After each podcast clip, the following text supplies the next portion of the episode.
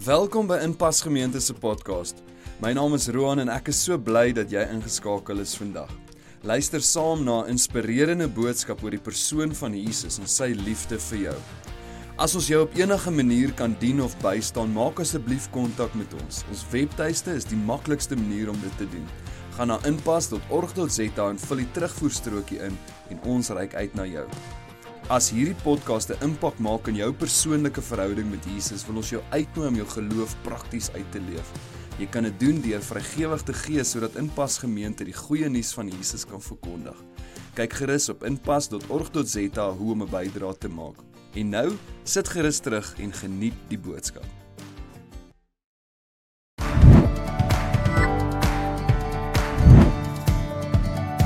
Goeiedag julle en welkom by Impas Gemeente se reeks 40 dae van goeie nuus en ons is by deel 1. Nou hoe lank terug het jy goeie nuus gekry of gehoor? Nou maak jouself gereed want oor die volgende 6 weke gaan jy saam met ons ontdek waarom die evangelie van Jesus Christus die goeie nuus is. Nadat Paulus tot wedergeboorte gekom het, begin hy die evangelie te verkondig. Die woord evangelie, weet nie of jy geweet het nie, beteken goeie nuus. Nou lees dit saam met my in 1 Korintiërs 15 vanaf vers 1.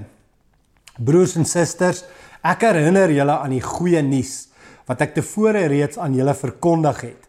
Julle het dit aangeneem en hierdie boodskap vorm die vaste basis van julle geloof. Deur hierdie goeie nuus word julle verlossing bewerk.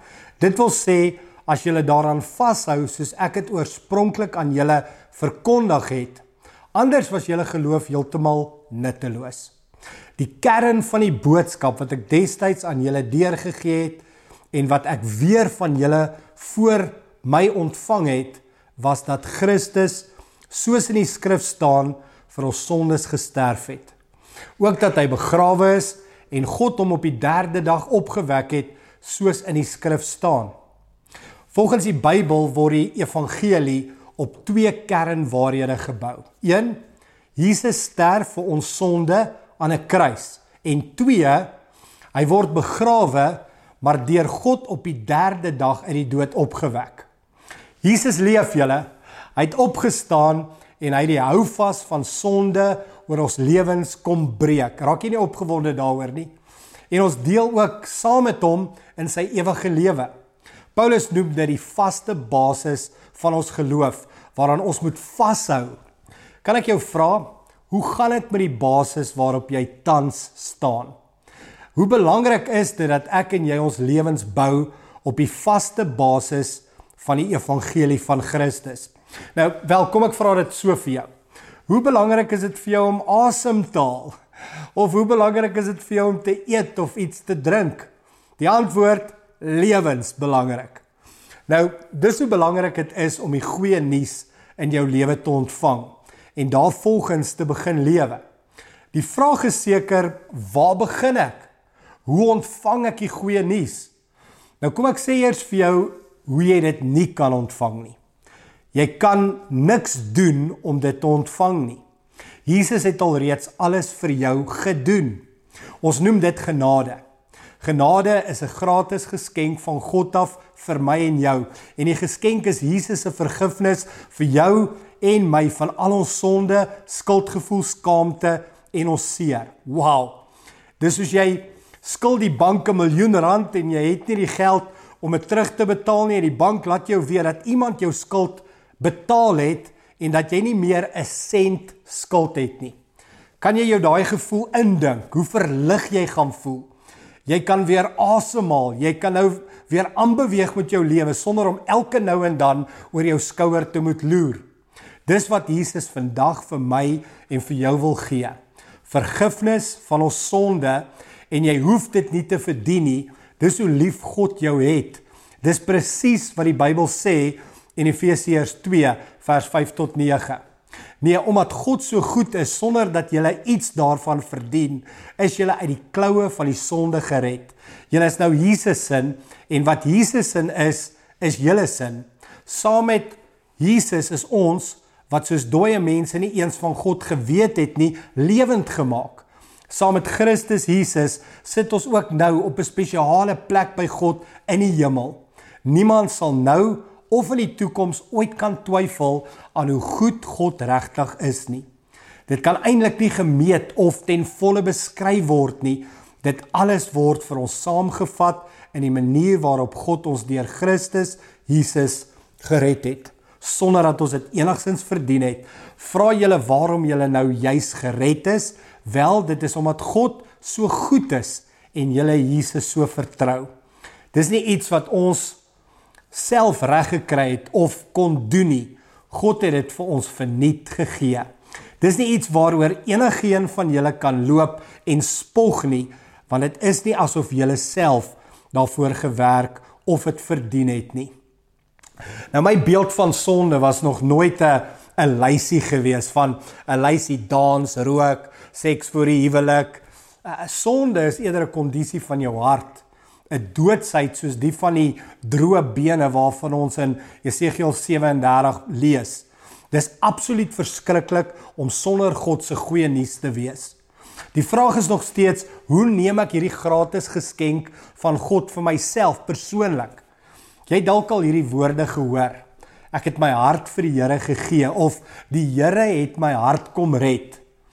Volgens die Bybel is dit presies waar die goeie nuus begin, in jou hart.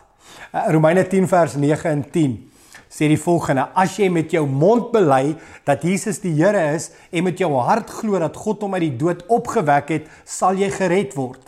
Met die hart glo ons en ons word vrygespreek en met die mond bely ons en ons word gered.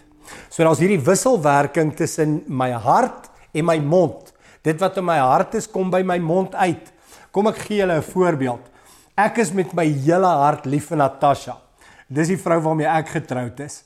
En raai wat? Dit kom sonder dat ek dit beplan, sonder dat ek dit kan help uit my mond uit hoe ek oor haar voel. Die goeie nuus van Christus is meer as net kopkennis. Dis meer as net 'n filosofie. Dis 'n liefde uit jou hart uit vir God se geskenk. Van watter gratis geskenk praat ek? Die grootste geskenk denkbaar. Hy gee sy enige gebore seun om jou te red van 'n ewige dood. Dit was alles behalwe verniet gewees. Dit het God sy seun gekos. Maar dit behoort my en jou 'n idee te gee van hoe lief God ons het. Nou voordat ek vir ons gaan bid, wil ek afsluit met Jesus se woorde in Markus 12 vers 30. Luister saam met my na Jesus se uitnodiging. Jy moet die Here jou God lief hê met jou hele hart en met jou hele siel en met jou hele verstand en met al jou krag.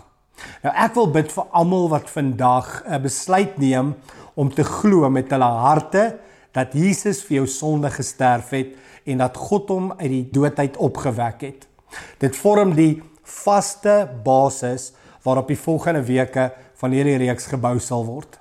As teken van jou oorgawe, plaas asseblief simbolies jou hand op jou hart en kom ons bid saam. Here, vandag wil ek vir U dankie sê dat U mense oortuig van die goeie nuus van Jesus Christus.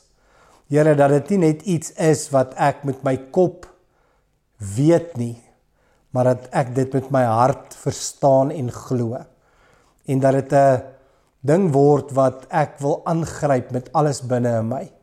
Here, dankie dat ons vandag ons sonde teenoor U kan kom bely en sê dat ons het geen vermoë om ons van ons sonde en van die ewige dood te red nie.